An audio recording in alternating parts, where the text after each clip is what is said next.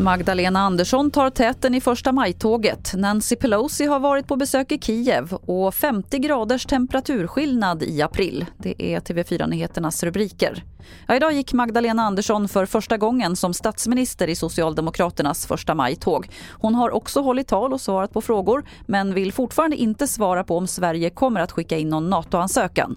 Vi ska ju genomföra de här säkerhetspolitiska överläggningarna med riksdagens partier. Vi har också en dialog i vårt parti och det är viktigt för mig som Sveriges statsminister att alltid sätta svenska folket och Sveriges säkerhet.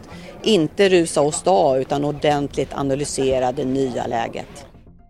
Så till kriget i Ukraina där de ryska styrkorna trappar upp attackerna i de östra delarna av landet. Samtidigt fortsätter försöken att evakuera människor därifrån. Många gömmer sig fortfarande i ett stålverk i staden Mariupol och läget där beskrivs som fasansfullt. Vår reporter Stefan Borg rapporterar från Poltava.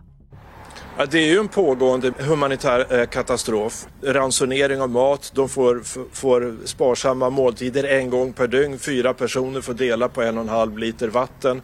Det finns många skadade som har bland annat kallbrand, alltså sår som inte kan behandlas. Eh, på spontana amputationer. Jag tror inte att någon kan föreställa sig hur de här förhållandena är för de som är kvar.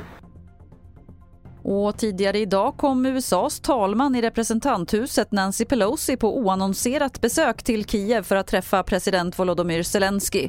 Pelosi är den högst rankade ledaren från USA som besökt Ukraina sedan kriget bröt ut. Till sist kan vi berätta att det var nästan 50 graders temperaturskillnad mellan högst och lägst uppmätta temperatur i Sverige i april. Minus 27,9 grader var det i Lapplandsfjällen den 5 april och så den 19 april såg Göteborg till att slå månadens högsta med 20,6 grader. Alltså en temperaturskillnad på 48,5 grader.